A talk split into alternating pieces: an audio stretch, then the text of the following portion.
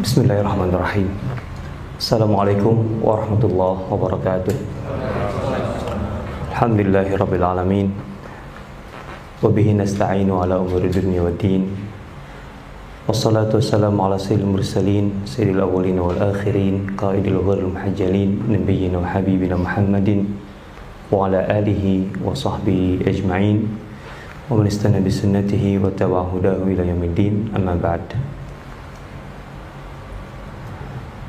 Muslimin dan muslimat, bapak-bapak dan ibu-ibu sekalian,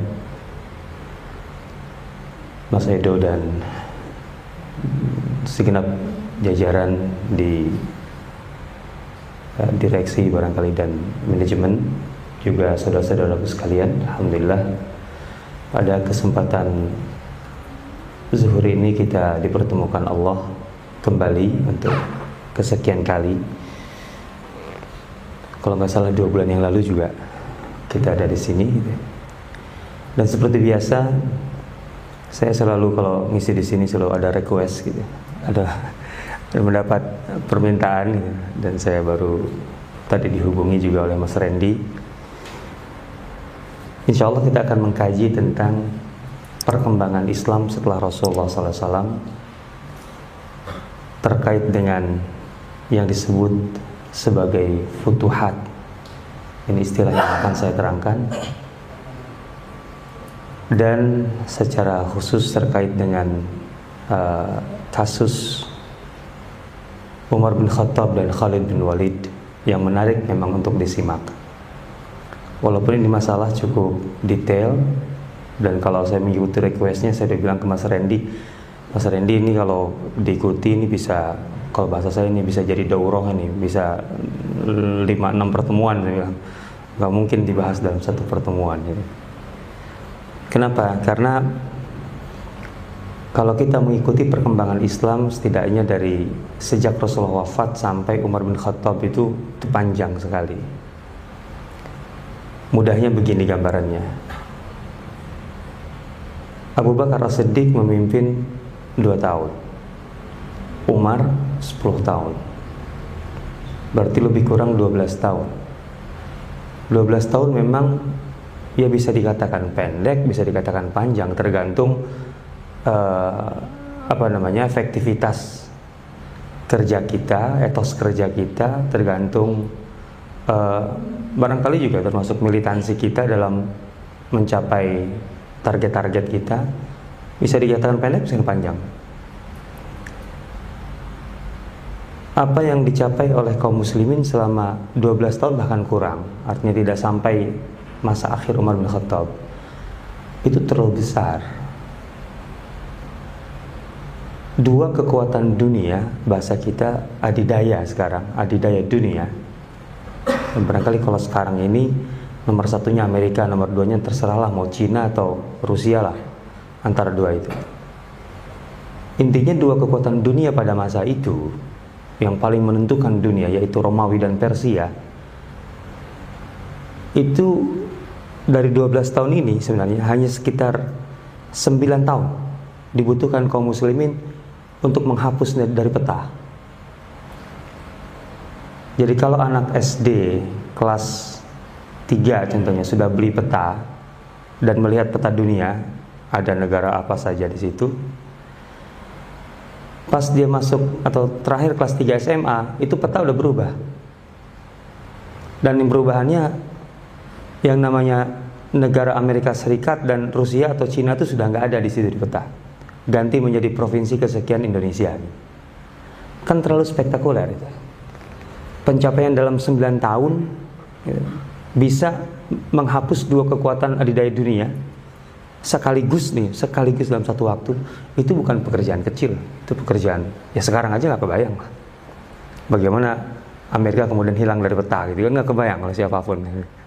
Nah itu gambarannya saja bahwa ini bukan masalah sederhana itu kalau kita ingin. Tapi kalau kita ingin mengerucut kepada satu masalah kecil, oke okay lah, itu pun juga uh, cukup uh, detailnya cukup panjang. Kita harus mulai dari satu titik, dari kata futuhat tadi perkembangan Islam setelah Rasulullah wafat tidak terbendung. Artinya perluasan wilayah Islam itu memang fakta. Rasulullah SAW kalau kita mulai gitu ya, dari beliau berdakwah berarti 23 tahun masa yang beliau habiskan sampai beliau wafat. Tapi kalau kita mulainya dari satu poin yaitu kaum muslimin membentuk sebuah masyarakat, berarti kita hitungnya dari hijrah Madinah. Berarti Rasulullah mempunyai waktu 10 tahun.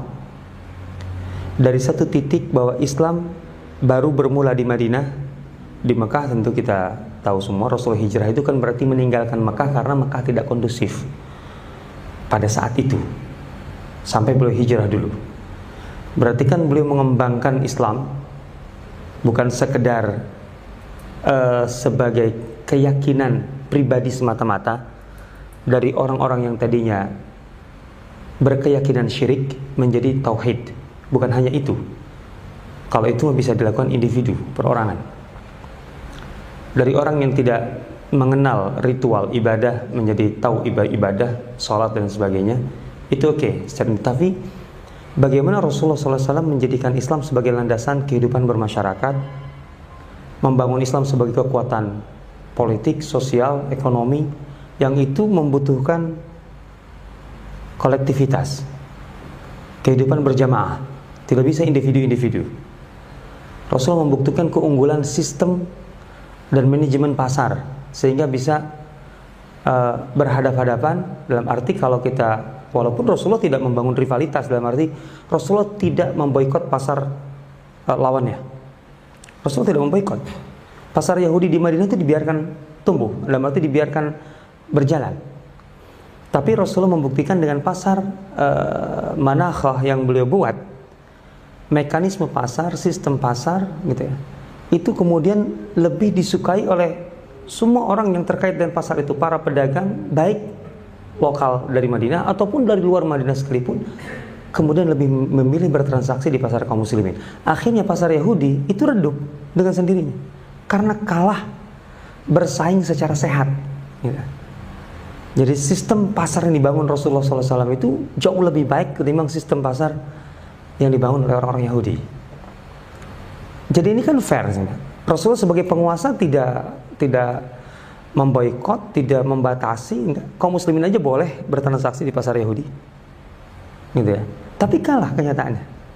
Ini berarti kan menunjukkan kehebatan yang dimiliki oleh Rasulullah SAW dan intinya Islam ini. Nah pembuktian-pembuktian ini ini membutuhkan kolektivitas kebersamaan. Nah kalau kita hitung dari Madinah, maka dalam 10 tahun Rasulullah SAW itu bisa mengembangkan Islam dari satu titik kecil di Madinah sampai ke seluruh wilayah Jazirah Arab dalam 10 tahun. Berarti kan mau tidak mau secara fakta memang ini ada perluasan. Ada perluasan wilayah termasuk kekuasaan apalagi pengaruh, itu jelas. Tapi perluasan Islam itu tidak bisa kita bahasakan dengan bahasa sekarang atau dengan bahasa barat. Contohnya apa? Invasi. Ini bukan invasi.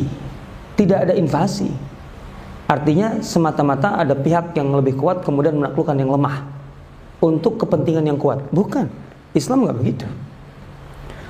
Islam menyebar ke seluruh jazirah Arab dalam 10 tahun dari Madinah. Itu kan karena satu faktor. Rasulullah SAW punya amanah dari Allah untuk menyampaikan uh, petunjuk Allah sebagai landasan hidup baru bagi manusia.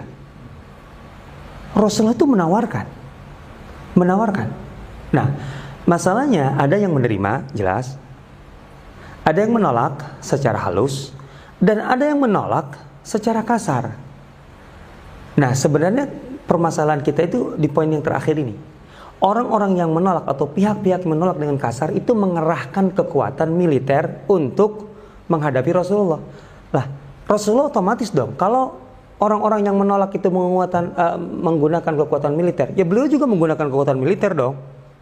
Ya kalau lawan pakai senjata, masa kita pakai mulut? Ya nggak mungkin kan? kan gitu. Jadi beliau hadapi itu. Nah, terjadilah perang di situ makanya. Jadi perang itu bukan kaum muslimin yang katakanlah mencari gara-gara ngajak perang, enggak. Rasul itu nawarkan, oh ini sistem hidup baru ini jalan hidup baru. Ditawarkan, nerima alhamdulillah. Nggak terima, yuk kita apa namanya membuat kesepakatan, perjanjian. Terus nah, yang tidak nerima itu ada yang enggak, enggak mau kita lawan. Artinya mereka menggunakan kekuatan senjata untuk melawan Rasul. Ya Rasul lawan lah. Nah, kan terjadi perang. Dalam perang itu kan azim ada kalah, ada menang. Masalahnya Rasulullah selalu menang kemudian. Nah, pihak ini kan otomatis jadi pihak yang kalah. Ya, pihak yang kalah otomatis menjadi pihak yang dikuasai dong. Nah, tapi ketika dikuasai pun Rasulullah tetap tidak pernah memaksakan keyakinan Islam kepada mereka. La ikraha din itu the prinsip dasar Islam. Islam tidak pernah menyebar ke daerah-daerah itu dengan pemaksaan. Enggak. Kalau itu terjadi, kalau pemaksaan keyakinan itu terjadi, seharusnya tidak ada lagi orang-orang Nasrani Aramik atau Syriak itu Nasrani kuno yang ada di Suriah dan sebagainya yang sampai sekarang masih bertahan. Nah iya kan seharusnya kan habis mereka. Seharusnya tidak ada lagi Nasrani Koptik yang ada di Mesir. Karena otomatis mereka seharusnya masuk Islam, tapi kan enggak. Nasrani Koptik itu sejak kelahirannya itu itu kan lebih kurang ber, berbarengan dengan perpecahan Katolik Ortodoks sampai sekarang ada dan institusinya, lembaganya masih ada diakui di Mesir. Artinya ketika kaum muslimin menguasai Mesir itu tidak menghapus, tidak menghancurkan. Silahkan. Kaum muslimin hanya menawarkan.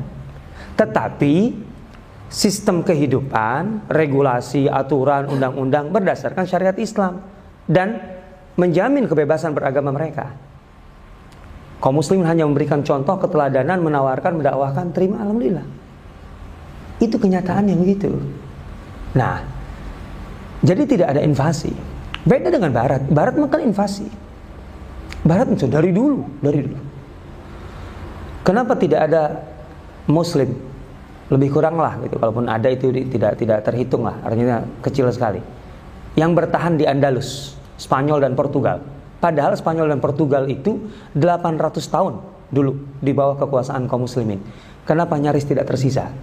Karena ketika kerajaan-kerajaan Katolik menguasai wilayah-wilayah Islam di Andalus, itu mereka memaksakan dengan cara apa? Masuk Kristen atau kalau tidak keluar dari Spanyol dan Portugal. Coba bayangkan. Itu mereka, kaum muslimin nggak pernah menerapkan itu.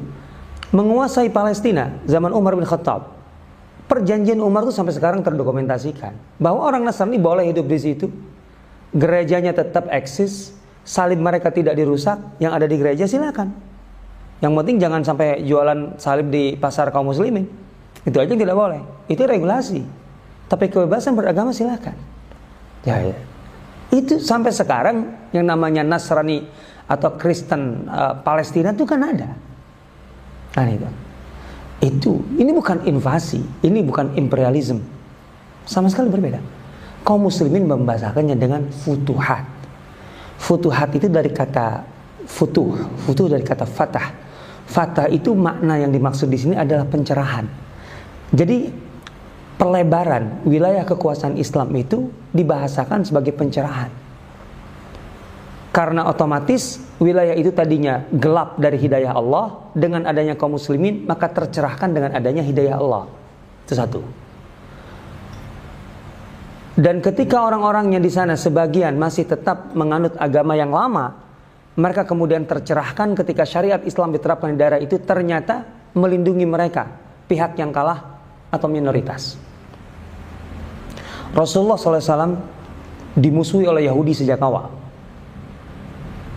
Dan yang paling berat permusuhannya itu adalah Khaybar. Karena mereka lah yang menjadikan Khaybar sebagai basis perlawanan terhadap Madinah yang mengakibatkan perang Ahzab. Perang Ahzab itu untuk pertama kalinya tiga kelompok besar di Jazirah Arab bersekutu untuk melawan Madinah. Mengepung Madinah hampir dua bulan. Habis itu. Kalau dua bulan dikepung itu nggak kebayang secara militer. Seberapa kuat cadangan logistik di dalam kota Madinah untuk bertahan selama dua hampir dua bulan. Dan tentu tidak ada pasokan dari luar.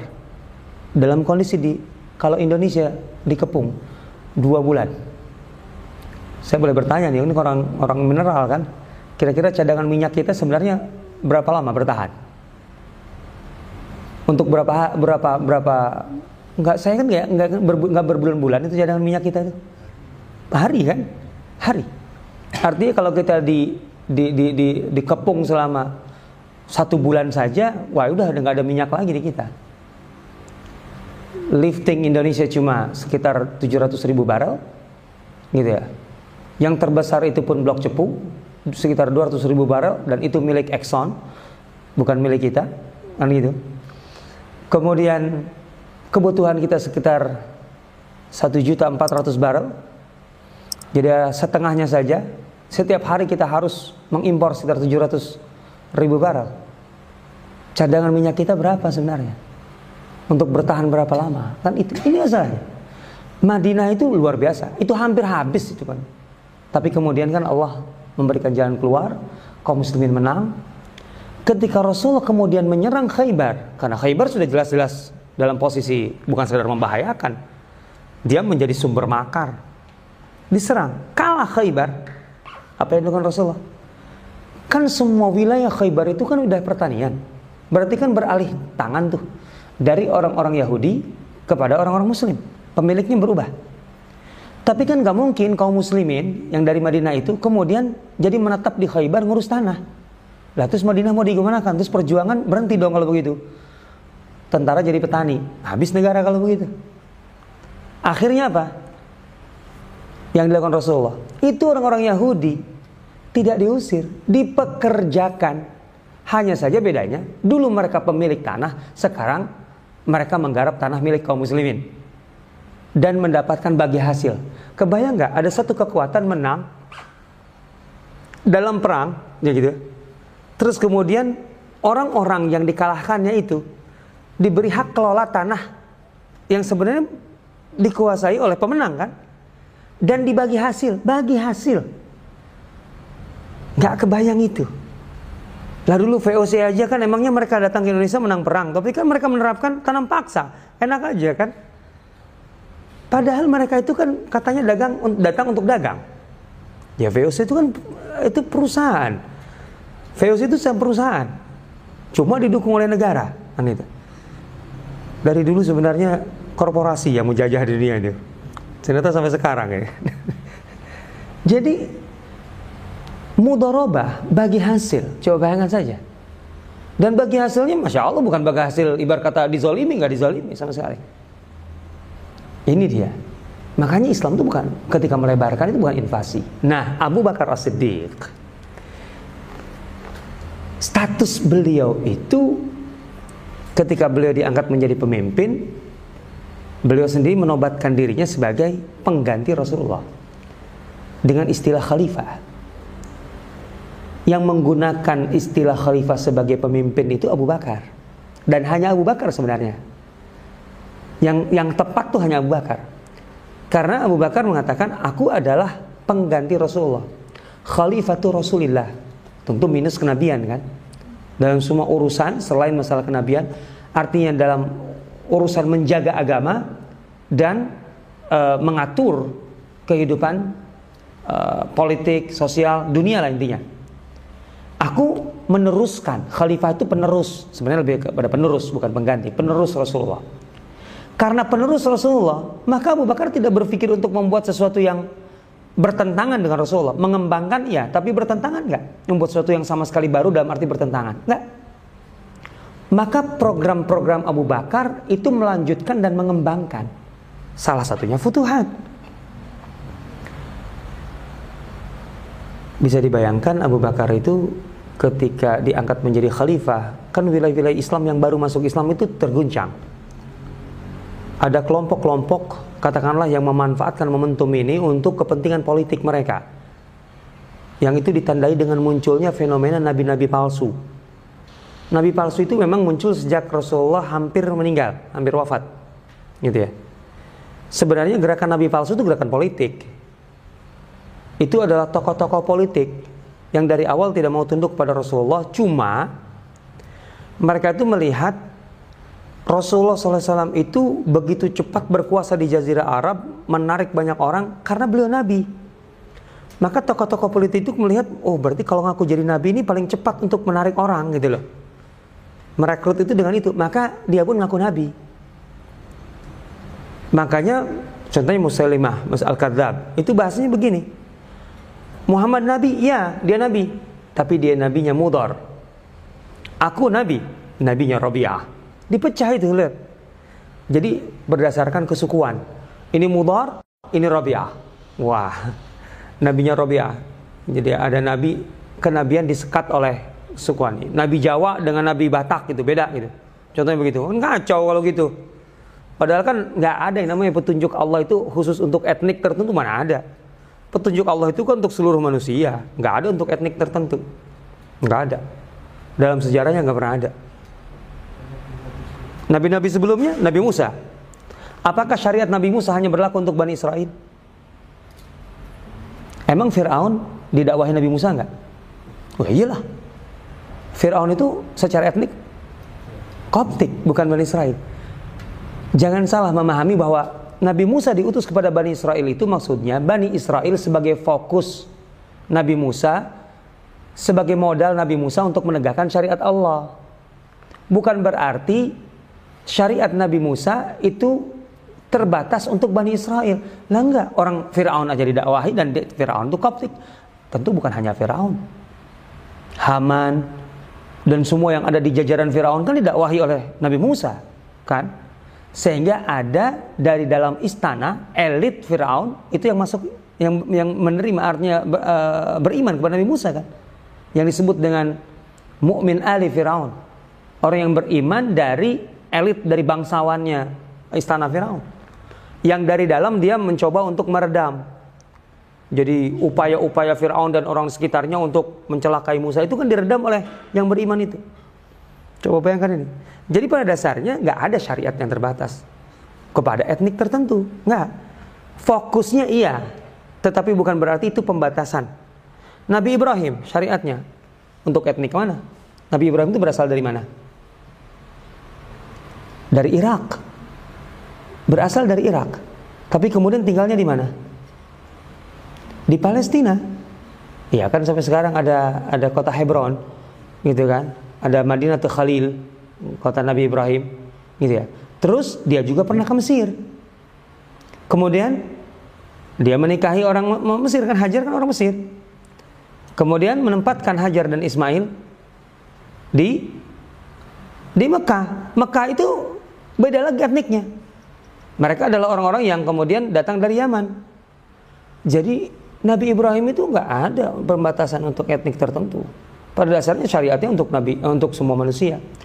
Ketika contohnya ibadah haji, wa adzin finnasi bil hajj.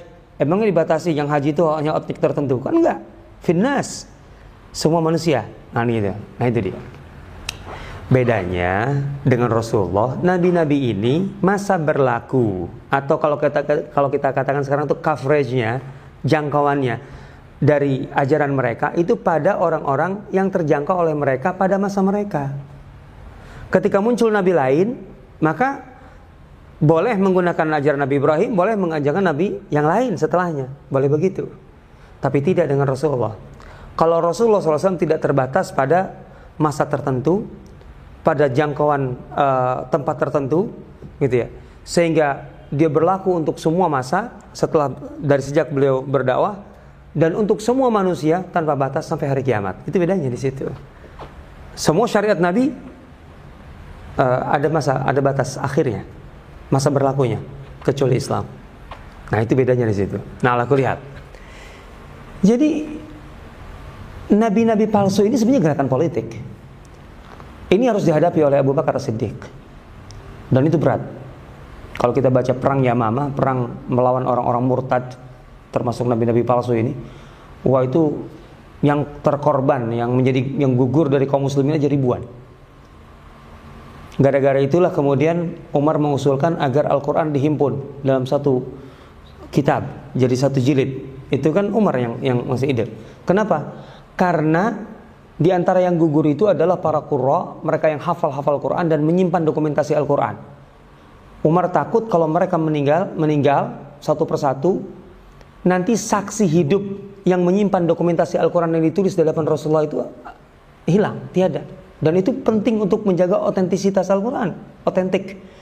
Al-Quran harus betul-betul otentiknya bukan sekedar dari hafalan, tapi juga dari catatan para sahabat yang mencatat di hadapan Rasulullah. Itu kan banyak ratusan yang meninggal. Wah itu bahaya di situ, maka dikumpulkanlah. Setelah dikumpulkan kan berarti sudah terbukti udah valid. Nah itu di zaman Abu Bakar As-Siddiq. Nah, di saat genting seperti itu, Abu Bakar As-Siddiq menjalankan satu misi yang bisa disebut sebagai mission impossible.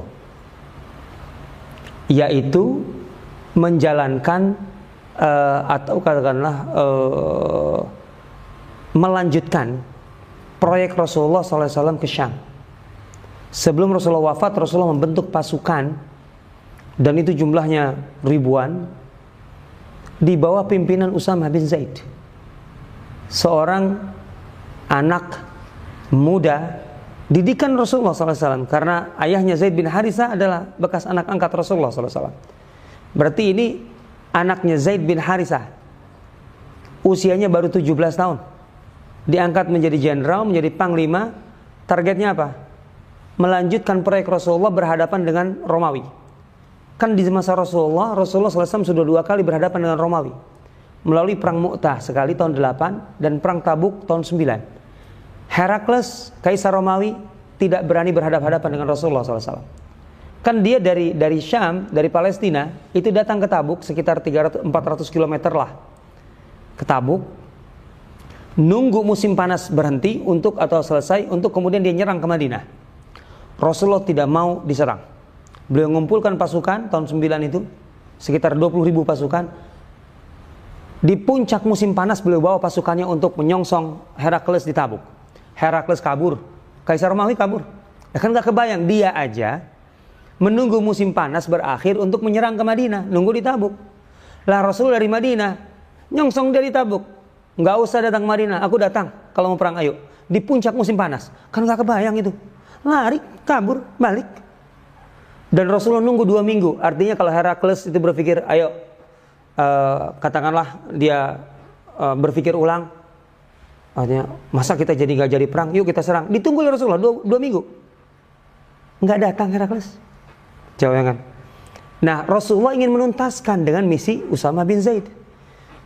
Di sini sebenarnya bahasanya bahasa media kalau kita bahasa opini. Rasulullah itu mempermainkan opini dengan sangat luar biasa hebat. Kan dengan beliau menyerang ke Tabuk. Dalam bayangan semua orang saat itu. Kalau bahasa kita, pasukan Amerika ketakutan melawan pasukan Indonesia. Kira-kira secara opini gimana? Dahsyat. Dahsyat. Berarti tentara Indonesia itu sudah mengungguli gitu loh. Nah, Rasulullah ingin menjadikan ini betul-betul paten gitu loh opini ini. Iya, sekalian aja. Rasulullah kemudian membentuk pasukan yang beliau angkat sebagai jenderalnya, pemimpinnya adalah Usama bin Zaid. 17 tahun. Artinya apa? Herakles, tidak perlu lagi aku yang menghadapi kamu. Cukup muridku. Kan lain sudah. Masa Hera kaisar dia sekelas kaisar dihadapi oleh anak muda 17 tahun. Itu secara opini kan apa? Wah. Makanya waktu itu geger betul dunia geger. Madinah itu sudah dipertungkan sebagai kekuatan yang sangat luar biasa. Nah, kalau seandainya ini tidak dijalankan, misi opini itu akan gagal atau tercoreng. Maka Abu Bakar paham itu.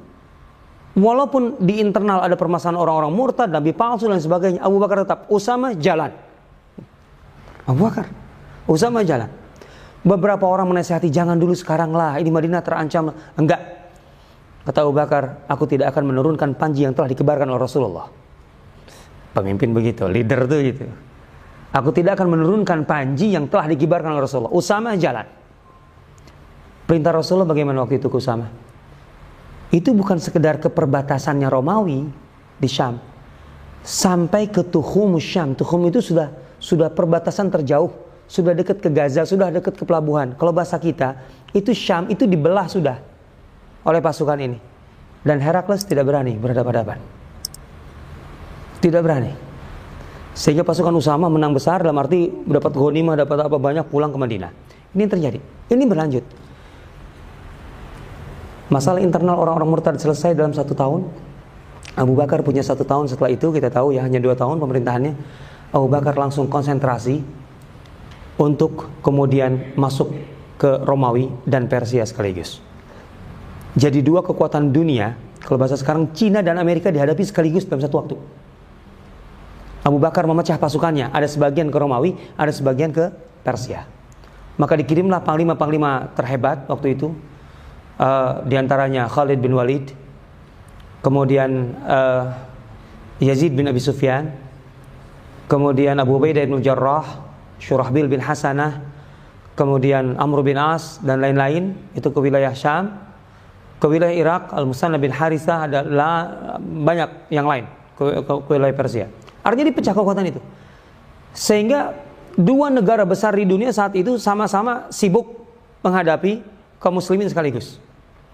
Ini kan pertaruhannya besar. Memang itu strategi. Artinya kalau hanya konsentrasi di satu sisi, yang sisi kemudian enggak, wah ini bisa jadi ancaman kan? Tapi langsung aja dihadapi dua-duanya. Tapi ini kan juga nggak mudah, membutuhkan energi, kemudian nafas yang sangat panjang lah kalau bahasa kita. Dan itu berhasil, luar biasa. Cuma Abu Bakar tidak lama meninggal. Hanya setahun setelah proyek itu dimulai, meninggal. Nah, masuklah ke periode Umar. Umar waktu menjadi khalifah, dia bingung untuk memberikan nama gitu ya. Sebagai pemimpin dia namanya apa? Sebutannya apa nih? Kalau Abu Bakar kan khalifatul Rasulillah. Penerus Rasulullah. Masa aku jadi khalifatu khalifati Rasulillah, penerus dari penerus Rasulullah. Jadi artinya tidak tidak tidak simple, terlalu panjang. Nanti yang ketiga jadi khalifatu khalifati khalifati Rasulillah. Ini nggak kali itu. Wah, nggak pas lah. Harusnya ada satu-satu nama gitu, satu rangkaian nama paling tidak. Satu kali nyebut. Maka kemudian muncullah ide Amirul Mukminin. Engkau itu adalah amir, pemimpin, rakyatmu adalah orang-orang beriman, maka engkau amirul mukminin. Maka Umar lah yang pertama kali dijuluki sebagai amirul mukminin. Sebenarnya khalifah itu hanya Abu Bakar. Sebenarnya. Cuman setelah itu nanti setiap pemimpin Islam disebut khalifah, khalifah. Padahal sebenarnya penerus siapa kan itu. Kalau Abu Bakar memang betul-betul khalifatul Rasulullah, penerus Rasulullah, real dalam segala hal, ideal. Nah, Umar Amirul Mukminin. Tapi tetap fungsinya sama, melanjutkan meneruskan. Nah, maka proyek Abu Bakar itu dilanjutkan. Waktu Abu Bakar uh, mengirim pasukan ke Romawi dan Persia, kan Romawi Persia pada dasarnya sudah menunjukkan permusuhan dari awal terhadap Islam, jadi menjadi ancaman dakwah, gitu ya. Bukan kaum muslimin ingin memperluas daerah dalam arti ingin punya tanah yang lebih luas supaya kaflingnya lega gitu. Enggak, bukan masalah itu. Dakwah terhambat, terhenti karena Romawi dan Persia menggunakan kekuatan militer mereka untuk menghentikan dakwah. Jadi lawanlah supaya apa namanya eh, penghambat ini hilang sehingga kemudian dakwah menjadi bebas. Nah, ketika perang ini dimenangkan oleh kaum muslimin, toh kaum muslimin ketika masuk ke masyarakatnya itu tidak dengan pedang, tetap dengan tawaran. Menarik loh. Abu Ubaidah, salah satu panglima ke Syam, ke wilayah Romawi, itu menguasai Hems. Hems itu sekarang Homs sedang konflik di Suriah. Masalahnya waktu itu beberapa pasukan kaum muslimin di, di daerah yang lain itu sedang bertarung dengan sengit sekali dengan pasukan Romawi. Mereka minta bantuan ke pasukan Abu Ubaidah. Abu Ubaidah berarti harus meninggalkan Hems. Harus mengosongkan kota Hems untuk membantu pasukan muslim yang lain. Maka kemudian Abu Ubaidah mengumpulkan tokoh-tokoh masyarakat Hems yang tentu saja masih Nasrani waktu itu, masih Kristen, Nasrani. Abu Ubaidah mengatakan apa? Kami terpaksa meninggalkan kalian karena ada keperluan di luar sana, di luar kota ini. Dan untuk itu, maka semua pungutan kan kaum Nasrani atau orang-orang Muslim yang tinggal di wilayah Islam, mereka harus membayar pajak jizyah namanya. Itu wajar lah. Jizyah itu dikenakan kepada seorang non-muslim atau setiap non-muslim laki-laki yang produktif. Artinya perempuan enggak, anak-anak enggak, yang jompo-jompo enggak. Berarti laki-laki yang produktif. Wajar kan kalau gitu? Wajar. Jadi kan pungutan yang wajar. Kan kemudian kompensasinya dia dapat apa? dia menjadi bagian dari warga negara dengan segala haknya di pasar, fasilitas negara dia dapat wajar sekali, gitu ya. Nah kita mah kan semua dipajakin kan, anak-anak emang nggak kena pajak, kena pajak nggak? Coba aja anak, anak jajan permen, emang nggak kena pajak PPN itu? Ada kena, ibu-ibu kena pajak nggak? Kena pajak nggak? Taat pajak nggak? Bahasa Indonesia zolim, wajib pajak. Sunnah aja nggak wajib. Bayangkan. Jadi kalau nggak nggak bayar pajak kita udah kayak wah melanggar. Tapi pemerintah nggak ada nggak ada kewajiban untuk apa namanya mengelola pajak dengan itu. Nggak ada wajib pengelolaan pajak yang kayak gimana gitu. Jadi dia hanya kalau mungut harus gitu. Tapi pengelolaan ya terserah di atas sana kita susah itu untuk mengauditnya. Ala kulihat jadi jizyah itu itu dikenakan kepada non muslim yang tinggal di wilayah Islam laki-laki dan produktif. Dan kompensasinya dia mendapatkan semua fasilitas negara. Dan mereka bebas dari uh, kewajiban mempertahankan negara. Karena pertahanan enggak kaum muslimin. Asik kan sebenarnya? Lah kaum muslimin juga kan dipungut kan kalau yang mampu ya kan? Zakat kan itu kan di antaranya. Kharaj dan lain sebagainya dan sebagainya nah Abu Ubaidah mengumpulkan tokoh-tokoh Nasrani ini. Dan mengatakan apa? Dan karena kami tidak lagi bisa melindungi kalian di sini, artinya kami tidak lagi menjadi pemerintah lagi di sini karena kami harus keluar dan kami tidak bisa mempertahankan kota ini, maka kami tidak berhak atas pajak-pajak itu atau jizyah-jizyah itu, maka kami kembalikan kepada kalian. Kaget tokoh-tokoh masyarakat di situ. Kata mereka, kalian akan mengembalikan pungutan ini, pajak ini dahulu ketika kami dikuasai oleh orang-orang Romawi. Ingat satu agama ya. Jadi mereka sebagai rakyat Nasrani, Romawi Nasrani. Ketika mereka harus meninggalkan kami, jangankan yang sudah kami bayarkan. Lumbung-lumbung kami saja harus dikosongkan untuk mendukung mereka. Jadi yang ada di dalam rumah mereka saja harus diserahkan untuk mendukung logistik pasukan Romawi.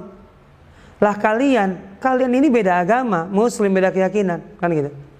Tapi ketika kalian tidak bisa mempertahankan kami, mereka kalian tidak bisa tidak merasa berhak atas pajak dari kami, dikembalikan, diserahkan. Apa kata mereka?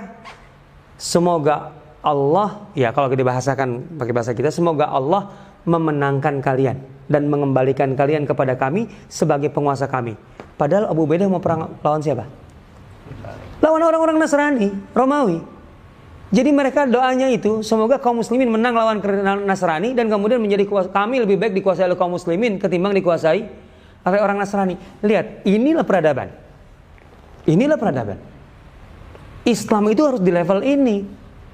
Sehingga orang-orang yang tidak beriman itu tidak punya alasan untuk merasa lebih unggul, membanggakan diri ketimbang orang muslim.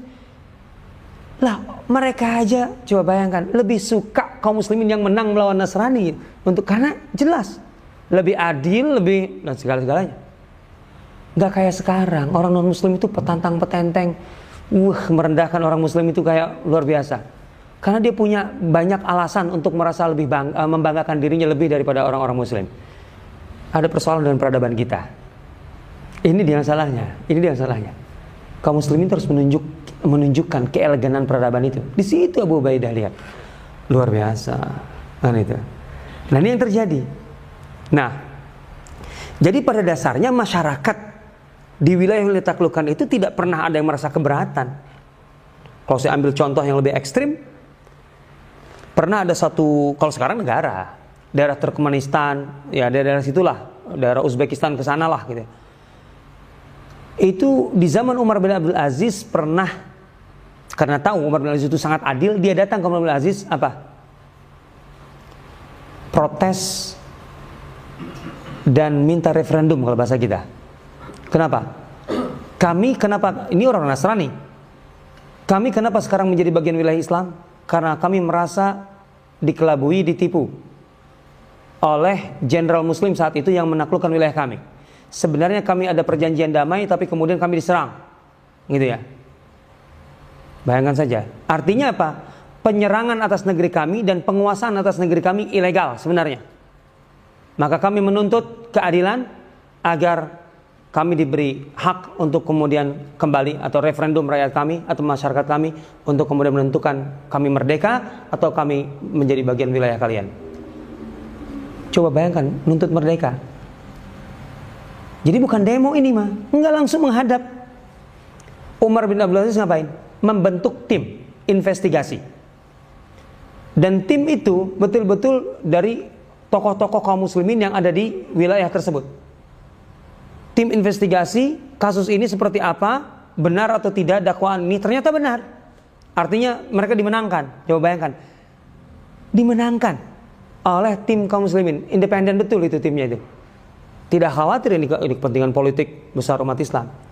Kalau begitu kata Umar bin Abdul Aziz, kami berikan hak kepada kalian untuk menentukan nasib kalian. Merdeka dari kami atau tetap bersama kami. Ketika sudah di tangan kayak gitu, itu kan kebayangkan Berarti wilayah itu akan ada presiden baru. Wah, yang tadinya cuman gubernur atau apa mungkin kan jadi presiden. Naik pangkat semua kan. Wah, itu kebayang itu. Pemekaran itu kan asik. Apalagi kalau ada dana anggaran. Gitu ya. Kalau nggak ada memang hancur-hancuran itu. Tokoh-tokoh ini kumpul. Setelah kumpul mereka menimbang. Bagaimana nih?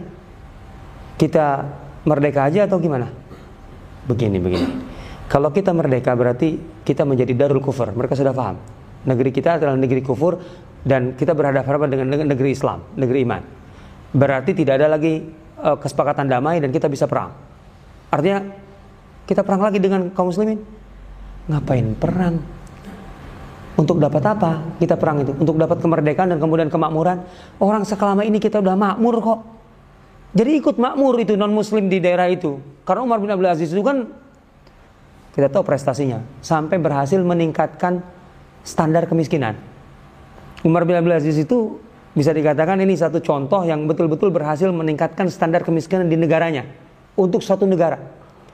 Dan perlu tahu itu dari Spanyol, Portugal sampai perbatasan Cina. Itu wilayah kekuasaan Umar bin Aziz. Dan itu dia berhasil menaikkan standar kemiskinan. Yang tercatat di dinas sosial bahasa kita tahun sebelumnya itu sebagai miskin dalam satu tahun kemudian itu tidak lagi menjadi miskin. Sehingga pegawai-pegawai zakat gitu itu kembali nggak jadi membagikan zakatnya karena sudah tidak ada lagi orang yang tercatat tahun lalu sebagai miskin sekarang udah enggak sanggup nggak dalam lima tahun sanggup nggak masalahnya amburadul ini uh, definisi miskinnya Indonesia ini kan sekarang angka kemiskinan bisa ditekan di bawah dua digit katanya, di bawah 10 persen. Tapi dengan catatan ya, yang disebut miskin di Indonesia itu yang penghasilannya 400 ribu sebulan. Jadi kalau penghasilannya 450 ribu, itu bukan lagi miskin di negeri ini. Silahkan ya, jadi orang kaya dengan 450 ribu. Alhamdulillah sudah jadi orang kaya ya kesebutnya. Iya begitu. Umar bin Abdul Aziz standar miskin waktu itu, gitu ya. Kan ketika pegawai zakatnya balik melaporkan di negeri kami tidak ada yang berhak atau di wilayah kami tidak ada yang berhak menerima zakat. Karena yang miskin tahun lalu sudah tidak lagi miskin. Yang paling katakanlah yang paling miskin di, di, di wilayah kami adalah seorang muslim yang rumahnya satu, perabotannya lengkap, pembantunya satu, dan kendaraannya satu. Itu yang paling miskin, paling miskin. Jadi kalau baru Avanza 1 itu rumahnya kemudian tipe 70 sekian atau 120 lah terserah lah. Karena minimal kamar tiga ya. Laki-laki perempuan, anak laki-laki perempuan, orang tua, kan gitu. Ah kalau kalau itu itu masih miskin dan punya pembantu pembantu budak pada masa itu. Itu paling miskin. Kata Umar bin Abdul Aziz, bagikan kepada mereka. Itu miskin, kata Umar bin Abdul Aziz. Dia naikkan standar itu seorang muslim berhak atau layak punya rumah satu untuk tempat berlindung, perabotannya lengkap untuk ya kebutuhan hidupnya, pembantu satu untuk meringankan bebannya dan kendaraan satu untuk dia bersafar, tolabul ilmi, mencari ilmu, bersilaturahim dan seterusnya. Itu selayaknya, itu miskin bagiku. Coba bayangkan ini. Kalau kita makan dikejar-kejar ini kan, muzaki itu. Disodorin tawar pak, zakat pak, gitu-gitu. Kalau turun dari mobil itu. Kalau mobilnya masih satu, di zaman Umar masih miskin, masih mustahik dapat zakat? Enggak kebayang. Jangan tanya yang rumahnya kontraknya. Ini rumah milik pribadi loh. Kalau kontrak mau pasti miskin dianggapnya. Allah gitu. Coba kalau standar ini dipakai di Indonesia, kira-kira berapa yang miskin? Nah, itu dia. Ketahuan itu sebenarnya. Nah, ini dia Umar bin Abdul begitu. Ini dahsyat ini hubungan. Ini peradaban tuh di situ. Islam itu menunjukkan aspek, ini. Nah, itu yang dilakukan oleh Abu Bakar kemudian Umar. Nah, yang menarik kasus tentang Khalid bin Walid di masa Umar. Khalid bin Walid itu diangkat menjadi jenderal atau panglima sejak zaman Rasulullah. Karir kepemimpinan militernya itu dimulai dari perang Mu'tah. Di tahun 8, Khalid bin Walid waktu itu baru masuk Islam sekitar satu tahun setengah. Untuk perang Mu'tah ini Rasulullah tidak ikut melawan pasukan Romawi ini. Rasulullah waktu itu membentuk pasukan jumlahnya 3000, beliau mengangkat tiga pemimpin langsung. Nomor satu Zaid bin Harithah, Rasulullah mengatakan, In kutila Zaidun, jika Zaid terbunuh, maka pemimpin kalian adalah Ja'far bin Abi Talib. Wa in kutila Ja'far, dan jika Ja'far terbunuh, maka pemimpin kalian adalah Abdullah bin Ruahah. Jika Abdullah terbunuh, maka kalian harus bermusyawarah untuk mengangkat seorang pemimpin. Menurut saya, dari segi kemimpin, kepemimpinan ini pertaruhan besar loh ya. Lah Rasulullah SAW sudah memprediksi katakanlah dengan kata-kata ini kan ada ada ada, ada kemungkinan eh, bahwa akan kehilangan tiga orang terbaiknya. Ya kan otomatis lah. Wah itu kan nggak mudah itu. Dan kemudian setelah itu kaum muslimin tidak ada pemimpin definitif, gitu ya, dan harus bermusyawarah. Ingat bermusyawarahnya dalam keadaan apa? lagi berkecamuk perang harus bermusyawarah itu gimana? Kebayang nggak? Harus lah kan bukan lagi santai kan? Kalau santai mah kita rapat oke okay lah ada kopi ada teh kan itu. Ayo kita bahas masalah satu poin dua poin tiga. Yuk kesepakatannya apa kita ketok palu. Lah ini kan lagi tempur. Namanya juga terbunuh pasti kan lagi tempur. Yang pertama Zaid memang meninggal atau eh, terbunuh. Kemudian Ja'far terbunuh, Abdullah pun terbunuh. Kaum muslimin tidak ada pemimpin. Lagi tempur. Disuruh bermusyawarah ini kan Rasulullah ingin menguji kan satu sisi pembuktian bahwa hasil pendidikan beliau orang-orang di bawahnya, anak-anak muridnya itu sampai bisa mengambil keputusan sangat genting dalam kondisi genting dalam kondisi perang. Dan ternyata yang diangkat kemudian Khalid bin Walid. Rasulullah itu di Madinah. Ketika perang berkecamuk, beliau itu memanggil para sahabat ke masjid. Beliau sendiri duduk di mimbar, uh, mimbar Rasulullah itu kan kayak tangga gitu. Duduk begini, seakan-akan terbentang layar besar di hadapan beliau. Jadi beliau itu menceritakan, sekarang Zaid begini, dia gugur. Sekarang Ja'far begini, dia gugur. Sekarang, oh itu. Itu para sahabat mendengar gitu, kayak sedang diceritain. Kemudian apa? Kaum muslimin tidak ada pemimpin dan mereka saling menunjuk bla bla bla. Kemudian akhirnya mereka sepakat. Mereka menunjuk Saifullah al-Maslul, pedang Allah yang terhunus di hadapan orang-orang kafir. Rasulullah sumringah di situ melihat hasilnya itu. Kan ini hasil musyawarah, bukan Rasul menentukan. Khalid bin Walid, bayangkan ini kepemimpinan. Ini ujian pertama bagi Khalid sebagai pemimpin uh, militer dalam Islam. Sebelumnya dia pemimpin militer, tapi kan di pihak kafir. Tapi memang talentanya. Khalid bin Walid itu dalam catatannya pernah memimpin 100 misi, lebih kurang 100 misi militer. Dan tidak pernah kalah sekalipun. Tidak pernah kalah. Artinya kalau ada misi militer, pemimpinnya Khalid, semua orang yang ikut dengan dia merasa mas pasti menang. Kan. Tapi karir kepemimpinan mulai dari ini. Khalid bin Walid ini. Khalid bin Walid memang tidak bisa menumpas pasukan Romawi. Konon, kalau kita baca datanya secara umum, 3.000 pasukan kaum muslimin itu berhadapan dengan 200.000 pasukan Romawi gabungan dengan Ghassan. Kebayang nggak bagaimana menumpasnya? itu kalau kalau keroyokan satu lawan 70 itu nggak kebayang kan tapi kan ini pasukan Khalid bin Walid bisa apa namanya membuat taktik yang membuat lawan itu kemudian ragu untuk terus mengepung menyerang sehingga kemudian mulai kendor dengan sistem rotasi pasukan. Jadi pasukan yang 3000 itu dirotasi.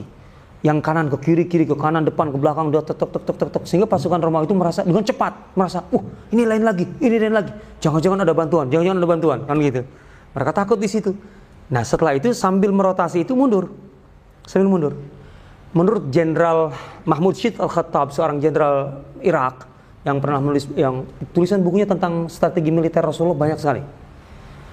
Dia mengatakan apa? Sebenarnya titik paling krusial dalam sebuah pertempuran adalah ketika mundur uh, dari sebuah pengepungan atau menarik bisa menarik diri dari sebuah kepungan dan berhasil. Itu paling krusial dalam dalam dalam dalam perang. Khalid berhasil di situ. Lah bayangkan yang ngepungnya 200 ribu, dia bisa narik mundur dan berhasil. Yang gugur cuma belasan orang.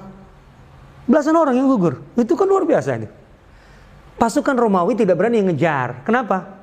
Karena mereka berpikir ini taktik mundur mundur mundur dikejar ternyata dari belakang sudah ada pasukan besar nah dicaplok. Mereka takut. Akhirnya lolos. Sampai Madinah. Wah kabar di Madinah kan sudah gempar. Yang gugur dan sebagainya. Sedih lah pasukan. Tapi imannya kaum muslimin. Itu di Madinah. Anak-anak wanita itu melempari pasukan ini. Kalian pengecut memalukan. Kalian melarikan diri dari medan perang. Coba bayangkan tapi Rasulullah menenangkan, enggak, enggak, enggak. Yang mereka lakukan bukan lari medan perang. Mereka bukan farar, tapi karar. Mereka akan kembali ke sana. Rasulullah itu. Karena apa? Perhitungan Rasul apa? Tadi secara strategi opini udah cukup. Coba kalau pas 3000 pasukan Indonesia itu tidak berhasil dikalahkan oleh 200 ribu pasukan Rusia, itu beritanya gimana? Saya yakin itu headline news CNN apa CNBC semuanya itu akan memberitakan ini. 3000 pasukan Indonesia tidak kalah oleh 200 ribu pasukan Rusia, Cina ataupun Amerika. Saya yakin jenderal-jenderal ahli strategi militer datang ke Indonesia ingin tahu bagaimana sih caranya untuk dari semua negara datang seminar, diundang. Wah, kebayang itu. Ya iya 3000 lawan 200 ribu nggak kalah itu gimana? Bagi Rasul itu cukup. Nah tapi di sini Khalid bin Walid. Khalid bin Walid itu dalam perang itu dibilang apa? Aku membawa 10 pedang. Dan semuanya patah, hanya satu. Tinggal satu yang utuh. Pedang Khalid bin Walid, 10 pedang. Dalam satu perang. Kebayang nggak gimana? Itu Khalid bin Walid. Nah ini awal karir militer Khalid yang kemudian terus menanjak. Di zaman Rasulullah selalu Khalid ditunjuk. Walaupun Khalid ada kesalahan-kesalahan teknis di lapangan, yang itu Rasulullah kemudian sampai sebagiannya pernah Khalid membunuh beberapa orang gitu ya yang di situ syubhat apakah mereka kafir atau sudah masuk Islam? Sampai Rasulullah ini Allahumma ini abra bima fa'al Khalid. Ya Allah aku berlepas diri dari tindakan Khalid. Itu bukan atas perintahku tidak sepengetahuanku dan Rasulullah menebus kesalahan Khalid itu dengan membayar denda kepada keluarga yang terbunuh. Coba kan tapi Rasulullah tidak tidak tidak menghentikan Khalid. Terus Khalid diberi kepercayaan. Abu Bakar menjadi khalifah Khalid terus berlanjut menjadi pemimpin artinya dari sekian jenderal yang ditugaskan ke Syam Khalid itu adalah topnya nomor satunya jenderal utamanya. Dan Khalid diberi kewenangan keleluasan oleh Abu Bakar untuk bermanuver sehingga kadang-kadang di Syam kadang-kadang ke Irak ya kadang-kadang melawan Romawi kadang-kadang melawan Persia. Itu Khalid bin Walid. Nah, kebayang itu? Khalid itu memang suka bermanuver. Artinya ketika di lapangan dia melakukan improvisasi-improvisasi yang itu memang karena kelebihannya. Dan jangan heran dengan Khalid. Kalau kita ingat peperangan antara kaum muslimin dengan orang-orang Quraisy sebelum Khalid masuk Islam, terutama di Uhud. Sebenarnya kalau kita baca perang Uhud itu, itu adu strategi antara Rasulullah dengan Khalid. Rasulullah di pihak kaum muslimin, Khalid di sana. Rasulullah menghitung Khalid, yang paling dihitung oleh Rasulullah Khalid. Bagaimana Khalid itu bisa diredam manuver Khalid. Betul-betul strategi Rasul itu bisa membuat Khalid mati kutu, habis di, di, di Uhud itu. Enggak berkutik di babak pertama makanya kalah betul untuk pasukan Quraisy. Tapi kan ada tidak tahu ada apa namanya disersi kan, ada pelanggaran kan dari kubu kaum muslimin. Para pemanah itu kemudian melanggar perintah Rasulullah. Dan Khalid itu ketika terpukul mundur pasukan Quraisy, matanya cuma satu. Kunci dari strategi Rasulullah itu ya bukit pemanah itu. Maka Rasulullah kan perintahnya jangan turun kita menang ataupun kalah. Sekalipun kita ibarat kata ibarat Rasulullah itu gini, mengibaratkan ini. Kalaupun burung-burung nasar itu sudah mm, uh, mengelilingi kami dan mematuk kepala kami, maksudnya kami sudah hampir jadi bangkai gitu. Jangan pernah turun. Jangan bantu kami di bawah. Pertahankan ini. Karena Rasulullah tahu, ini kunci untuk meredam Khalid. Di balik sana Khalid ketika mundur sekalipun, pandangannya tidak pernah lepas dari itu ketika 40 dari 50 pemanah turun, Khalid langsung bergerak. Tak itu langsung. Dan langsung kemudian ya tinggal 10. kurang bahkan dihabisi sama Khalid Khalid langsung mengibarkan bendera dari belakang pasukan Quraisy yang di sana tahu langsung dikepung kaum muslimin trak gini wah luar biasa itu perang sebenarnya itu perang strategi antara dua ahli strategi Rasul dan Khalid yang lain mah ya pelaksana di lapangan tapi kan ada strategi ini dalam kita harus punya peracik strategi yang lain memang jadi pasukan lah tapi peracik strateginya itu makanya itu Khalid itu luar biasa Abu Bakar tuh memberi kewenangan full tapi Umar melihat sisi lain. Umar di zaman Abu Bakar sudah bilang, nggak bisa engkau berikan kewenangan seperti ini pada Khalid. Harus dikurangi, harus dikurangi, harus dikurangi. Umar tidak setuju, gitu ya. Tapi Abu Bakar, enggak Umar, aku setuju atau aku uh, apa namanya memberikan keluasan itu, biar begitu. Ya Umar bagaimanapun ketika tidak diterima oleh Abu Bakar ya tidak bisa memaksakan. Tapi ketika kemudian Abu Bakar meninggal, Umar kemudian menjadi pengganti Abu Bakar dan proyek ini sedang berjalan, maka program pertama Umar copot Khalid.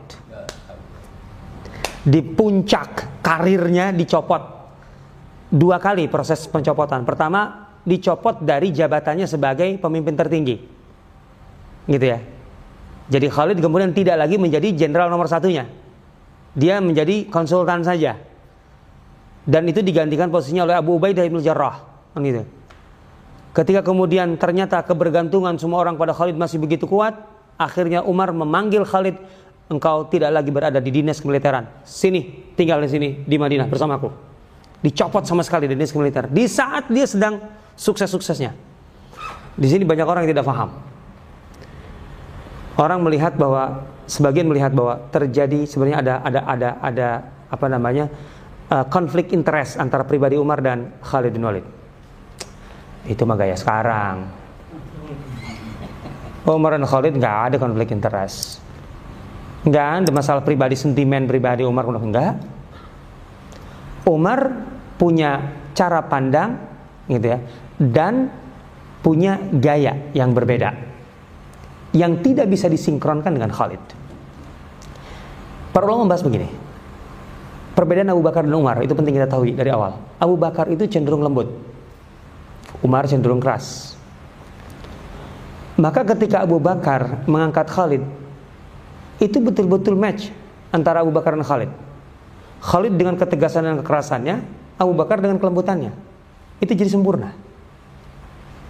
Tapi ketika Umar dengan berwatak keras, itu kemudian bawahannya Khalid yang juga keras. Nggak cocok. Artinya tidak efektif di lapangan.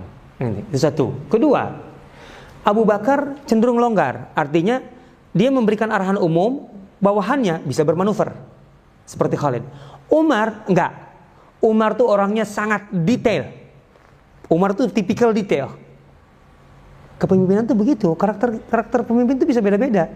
Yang penting sebenarnya kita bisa memanfaatkan dan menyesuaikan aja. Enggak apa-apa mau mau orangnya longgar ataupun detail gitu, enggak masalah. Yang penting kan efektivitas sebenarnya. Umar detail. Umar itu kalau pasukannya diberangkatkan, itu dia akan meminta laporan dari uh, pasukannya itu, terutama panglimanya, tentang semua perkembangan yang terjadi harus ada. Gara-gara itu maka Umar membangun sistem pengiriman surat, gitu ya. Kalau bahasa kita pos itu dengan luar biasa. Di zaman Umar lah, gitu ya, pengiriman surat itu bisa bisa bisa bisa apa namanya dipastikan gitu dengan adanya uh, yang kita sebut dengan milestone. Milestone itu dari bahasa Arab al-hajar al-mail. Al-hajar al-mail. Batu yang miring. Batu yang miring. Kenapa? Karena dalam jarak tertentu itu akan ditandai dengan batu yang miring bahwa ini sudah sekian uh, kilometer kalau bahasa kita. Nah, tapi kan mereka ada tanda ada farsah, ada apa gitu. Nah, orang-orang barat nyebutnya mile itu jadi miles. Milestone. Jadi hitungan jarak mile itu dari kata hajar mail. Dari situ sebenarnya. Itu Umar yang pertama kali melakukannya supaya surat itu dipastikan berapa hari nyampe. Gitu ya. Berapa hari nyampe. Karena dia butuhkan detail itu. Sehingga dia cepat mengirim surat berarti sekian hari akan nyampe lagi. Dan supaya kemudian surat itu cepat nyampainya, maka yang mengirim itu kurirnya di setiap jarak tertentu itu ada apa namanya tempat-tempat peristirahatan gitu ya sehingga dia bisa menukar kendaraan kendaraannya lelah ditukar, orangnya bisa lanjut. Kalau orangnya lelah, ada kurir baru, lanjut. Selalu begitu. Itu zaman Umar, gara-gara itu. Perkembangan teknologi juga mulai dari perang kan, telegram uh, dan sebagainya, gitu ya. Sampai internet pun juga sebenarnya dari perang awalnya. Kita tahu itu. Tapi Umar itu melakukan itu karena dia ingin detail. Dia harus tahu posisi pasukan uh, Islam di mana, lawan di mana, kondisi lapangannya seperti apa, kemudian bebukitnya seperti apa, pohon-pohonnya apa saja, sungainya di mana. Umar kemudian berikan arahan, begini, begini, begini, begini. Lanjutkan. Khalid nggak suka itu. Sehingga bentrok melulu sama Umar. Maka copot. Karena tidak efektif nanti di lapangan. Nggak efektif di lapangan. Maka dicopot. Faktor ketiga. Ketika saya katakan Khalid tidak pernah kalah di medan tempur. Ini menjadi persoalan tersendiri. Kalau kita makan senang. Tapi bagi Umar persoalan. Harus ada edukasi, harus ada pembelajaran kepada umat bahwa kemenangan bukan karena faktor Khalid. Bahwa kalian bisa menang tanpa Khalid. Itu penting. Coba bayangkan kalau ada seorang pemimpin yang selalu sukses. Bawahannya, kira-kira kalau kemudian didelegasikan, ditugaskan dengan pemimpin yang lain, kira-kira kepercayaan diri ini sama nggak? Bisa jadi malah kemudian tidak ada kepercayaan diri. Wah, pesimis saya kalau dengan dia. Tapi kalau ini, oke okay lah, gitu. Kan kebayang nggak kalau, ayo bentuk pasukan, Semuanya kemudian memilih dengan Khalid, dengan Khalid, dengan Khalid. Kan nggak bagus begitu. Umar ingin menanamkan aspek itu. Dan ini kan sisi, sisi edukasi, pendidikan, akidah penting sekali. Bahwa kemenangan itu karena hubungan kalian dengan Allah, bukan karena faktor Khalid. Maka sampai akhirnya apa? Dicopot Khalid. Dicopot dari dinas kemiliteran. Tidur di, di, di, di sini. Di sampingku, maksudnya di Madinah. Walaupun Khalid kemudian pindah ke tempat lain tapi tetap tidak dinas lagi secara militer. Kalau kira-kira Jenderal Bentang 4 lagi berada di puncak, dia mengendalikan semua pasukan. Kan dari Khalid itu Romawi dan Persia. Kemudian dicopot, kira-kira terjadi apa itu kalau sekarang? Kudeta. Kudeta dicopot kayak gitu. Orang dia angkatan bersenjata di tangan dia semuanya. Tapi Khalid enggak. Khalid marah pada Umar, marah. Kenapa? Bukan marah karena masalah sentimen pribadi. Aku tuh kan ingin berjihad di jalan Allah. Aku kan ingin berjuang. Aku kan ingin dapat pahala. Ini adalah jalur terbaik Khalid untuk mendapatkan pahala dan kedudukan tinggi di sisi Allah. Kok disumbat oleh Umar? Aku nggak boleh lagi. Itu yang membuat Khalid itu marahnya tuh di situ, gitu ya. Tidak terima awalnya. Tapi kemudian menjelang Khalid meninggal, Khalid mengakui apa yang dilakukan Umar adalah benar. Ini yang paling tepat, ini yang paling baik untuk kemaslahatan semua kaum muslimin. Kalau untuk pribadinya memang dia tidak setuju, tapi kalau untuk kaum muslimin, Umar benar, Umar benar. Dan ini, Allahu Akbar. Jadi sebenarnya tidak ada masalah pribadi antara Khalid. Kalaupun kita baca dari riwayat Khalid marah ke Umar, ya iyalah. Orang dia ingin pahala sebesar-besarnya dengan cara itu. Di jalan Allah itu pahalanya kurang apa? Masa jalur pahalanya disumbat? Dan Khalid setengah menangis ketika mau meninggal. Kata dia, kabarkan kepada semua orang pengecut. Aku Khalid bin Walid. Di tubuhku tidak ada satu, apa namanya, kalau bahasa kita tidak ada satu inci pun di kulit tubuhku yang tidak ada luka. Setiap saat seharusnya aku mati di medan laga. Tapi ternyata aku mati di atas kasur ini. Mati selayaknya seorang pengecut. Kan itu. Wah, itu Khalid bin Walid itu begitu. Tapi jangan tanya juga, Khalid pernah juga menyesali satu hal. Menyesali apa? Apa yang disesali dari seorang mujahid? Tentu jihadnya dia tidak sesali dalam arti bahwa dia berjihad, tapi persentuhannya dengan Al-Quran tidak sebaik para sahabat yang lain. Yang memang waktunya lebih banyak ketimbang Khalid, karena Khalid kan selalu memimpin, kalau memimpin habis. Apa kata dia? Dia satu saat menangis. Karena apa? Kenapa aku tidak memahami? Padahal setidak paham-pahamnya sahabat tentang Al-Quran kan nggak seperti kita gitu kita mah kan nggak pernah nangis sekarang kalau baca ayat Quran itu apa artinya kan nggak pernah nangis kan apa nangis gara-gara kita nggak paham gitu yang kita baca? Enggak kan? Kalau Khalid itu pernah nangis kenapa aku nggak paham ini? Apa kata dia? Ashghalan al jihad jihad telah menyibukkan kami untuk bisa memahami ini. Ya Allah ya Rabbi. Kalau kita apa yang buat sibuk? Tidak paham Quran. WA gadget. Allah Ta'ala alam. Demikian yang saya sampaikan. Itu terkait dengan jadi tidak ada friksi Tidak ada konflik interest antara Umar dengan Khalid. Ini semata-mata efektivitas. Semata-mata masalah pendekatan, cara, gitu ya. Uh, karena tentu efektivitas menjadi menjadi poin yang paling penting dalam segala hal. Umar pernah mencopot gubernur bukan gubernur-gubernurnya bukan karena kesalahan-kesalahan apa pun, bukan. Karena melihat tidak efektif. Itu saja. Bahwa sebagian tokoh-tokoh masyarakat di daerah gubernur itu memimpin itu tidak suka dengan gubernurnya. Sehingga kebijakan-kebijakan gubernur itu tidak akan berjalan dengan efektif. Maka oleh Umar dicopot gubernur itu gara-gara itu. Sekarang mah gubernur sudah sampai ibarat kata jadi pesakitan itu masih dilantik masih memimpin dari balik jeruji penjara. Gimana efektivitasnya? Nggak kebayang. Wallahu taala alam. Demikian. Kan saya bilang panjang ini. Kan baru segitu. Ya Kayaknya tidak ada pertanyaan. Oh, tidak ada, alhamdulillah. Oh, ada. Tadi masalah yang di Abu Bakar ya, yang mengkompilasi Al-Qur'an seperti yang oh. sekarang ini ya berarti ya. Oh iya. Jadi zaman Abu Bakar Al-Qur'an itu kan sampai Rasulullah wafat dihafal, semuanya dihafal. Al-Qur'an itu. Para sahabat hafal Quran lah. Tapi juga ditulis. Karena setiap kali Rasulullah menerima wahyu, para sahabat ditugaskan Rasul untuk menulis. Cuma tidak ada penulis tetap, sekretaris tetap, artinya menulis dari awal sampai akhir nggak ada.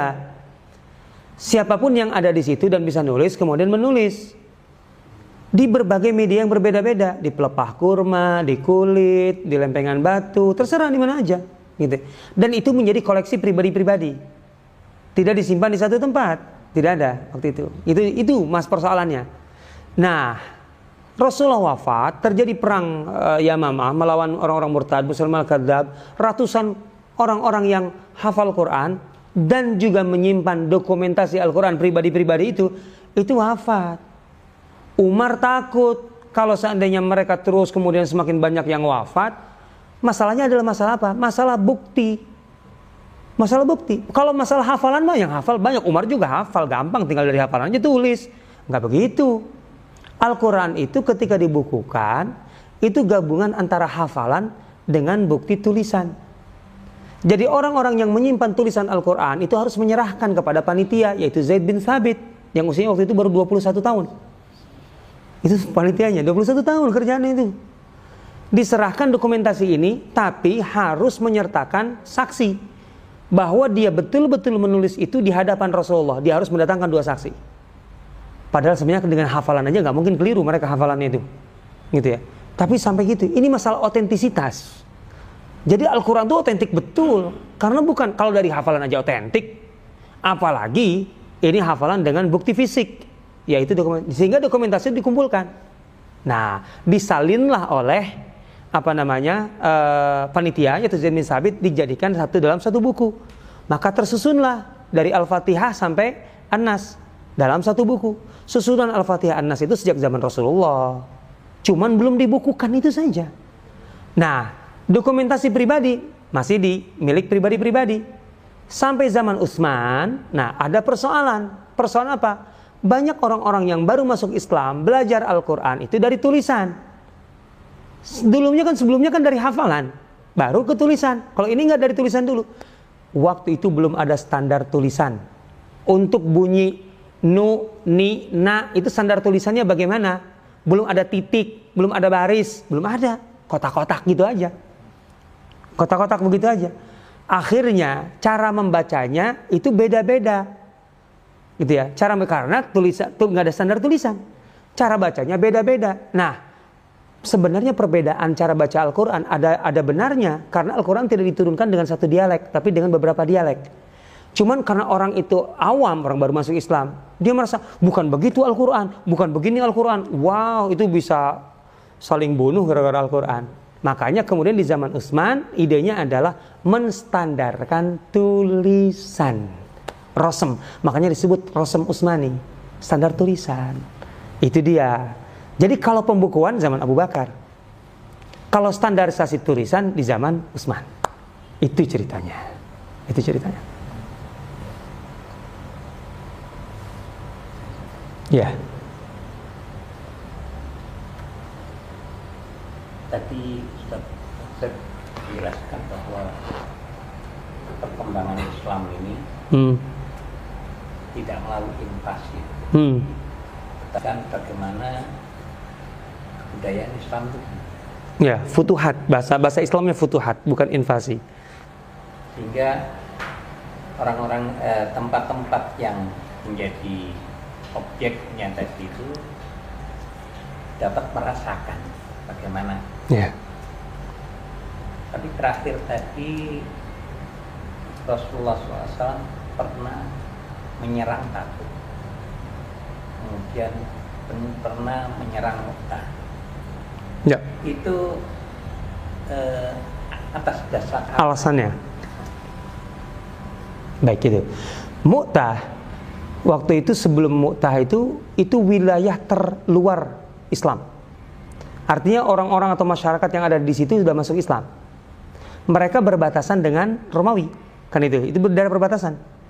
Nah, seorang tokoh muslim di daerah perbatasan ini dibunuh oleh penguasa yang berafiliasi berpihak pada Romawi.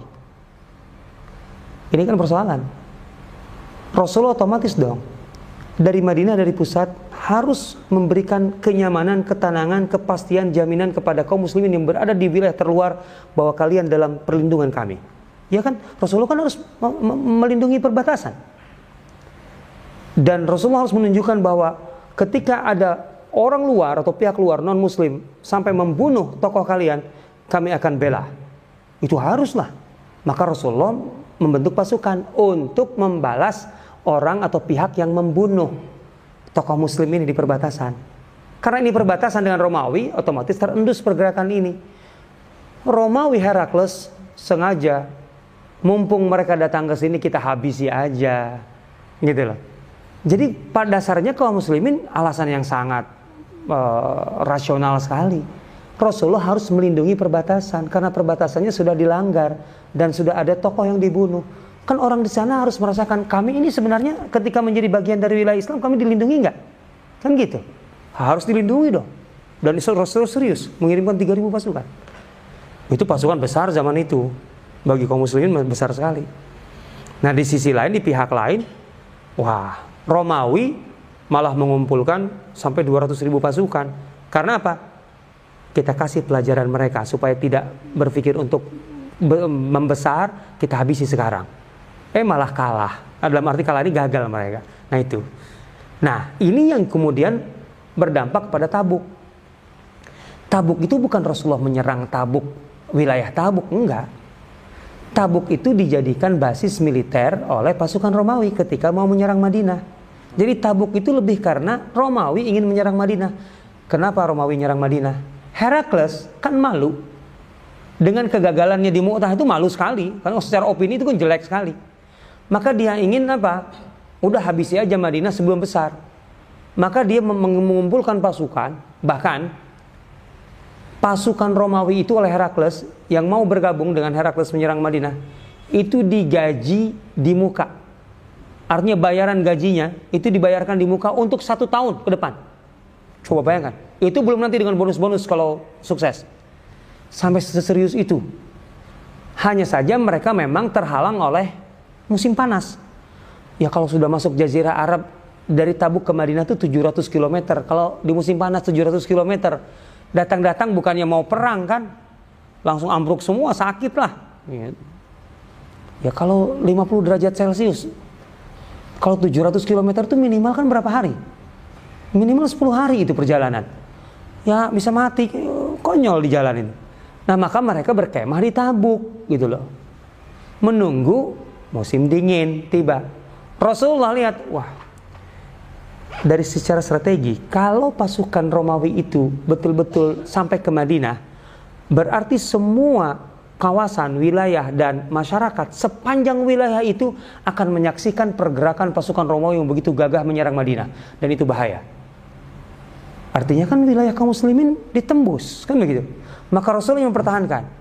Justru kita harus buktikan kepada semua orang-orang yang sudah menjadi bagian dari wilayah Islam sepanjang 700 km sampai Tabuk itu bahwa kita kami di Madinah bukan orang-orang lemah. Kami bisa berha- bisa melindungi kalian. Kalian tenang. Jadi yang mereka lihat justru adalah pasukan kaum muslimin dari Madinah ke Tabuk 700 km di tengah musim panas begitu gagah. Dan Rasulullah di usia 62 tahun mengibarkan panji sebagai pemimpinnya. 62 tahun. Itu usia siapa? Pensiun Usia pensiun udah lama. Rasulullah memimpin. Itu kan menunjukkan itu penting loh. 62 tahun memimpin 20 ribu pasukan menembus 700 km di tengah musim panas. Itu penting pemimpin begitu. Gitu loh. Jadi pemimpin tuh jangan naik sepeda, gitu, naik motor gitu. Pemimpin tuh naik singa kayak gitu loh. Nah, itu baru memimpin. Tunjukkan itu gitu loh. Hmm. Ba- Rasulullah tuh begitu. Itu menunjukkan. Oh, berarti makanya semua masyarakat yang ada di kawasan itu 700 km melihat, uh, kuat sekali Madinah. Lah Herakles aja ketakutan kemudian kita aja nunggu musim dingin. Lah ini musim panas kita dikejar. Balik dia. Balik. Oh, ya itu motifnya. Itu alasannya. Gitu ya. Silakan ibu-ibu.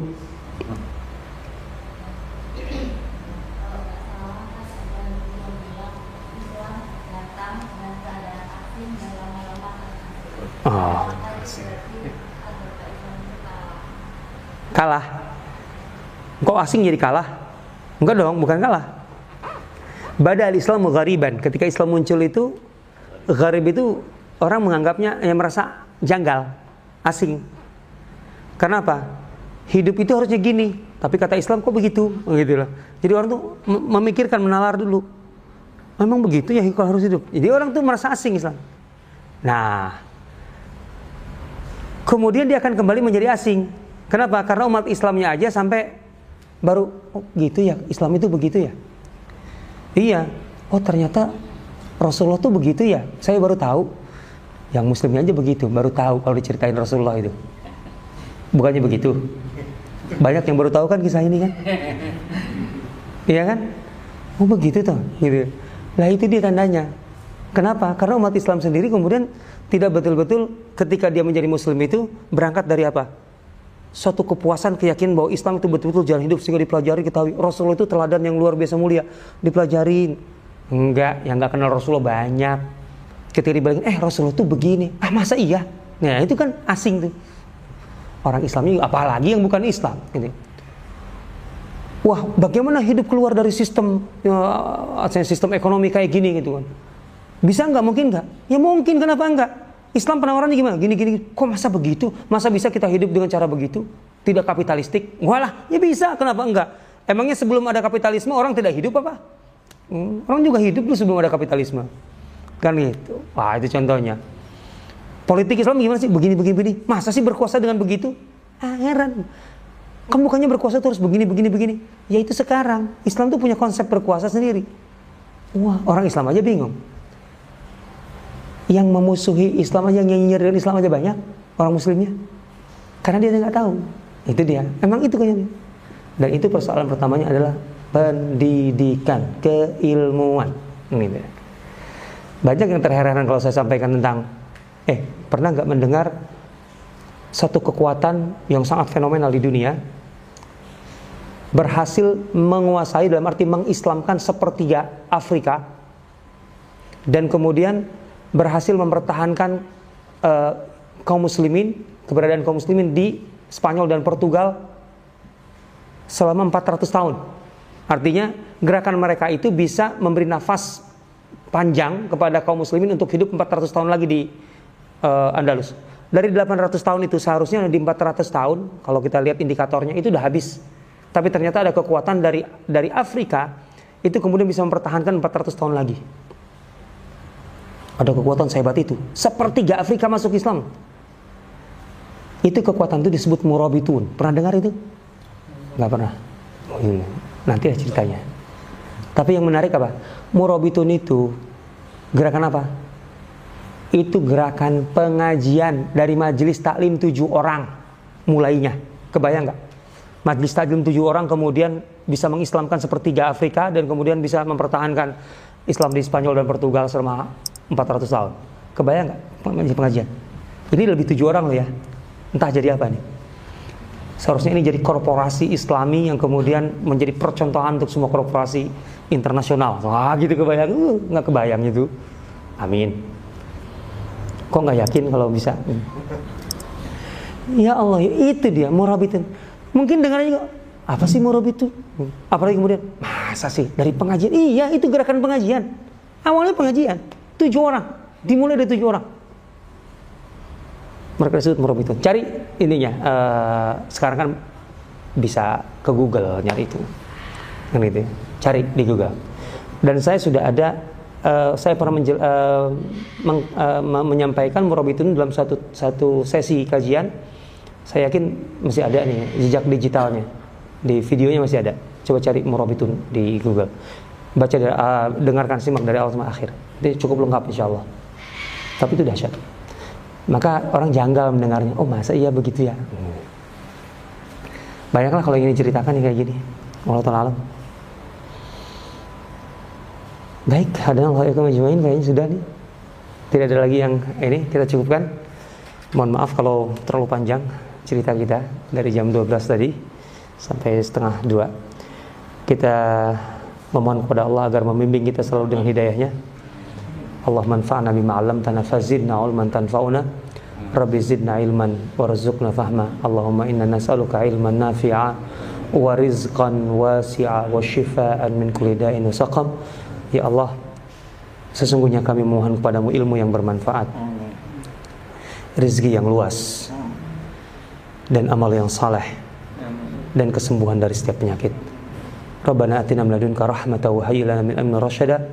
ربنا آتنا في الدنيا حسنة وفي الآخرة حسنة وقنا عذاب النار. بفضلك سبحانك ربك رب العزة عما يصفون. وسلام على المرسلين والحمد لله رب العالمين. سبحانك اللهم وبحمدك أشهد أن لا إله إلا أنت أستغفرك وأتوب إليك. وصلى الله محمد محمد والسلام عليكم ورحمة الله وبركاته.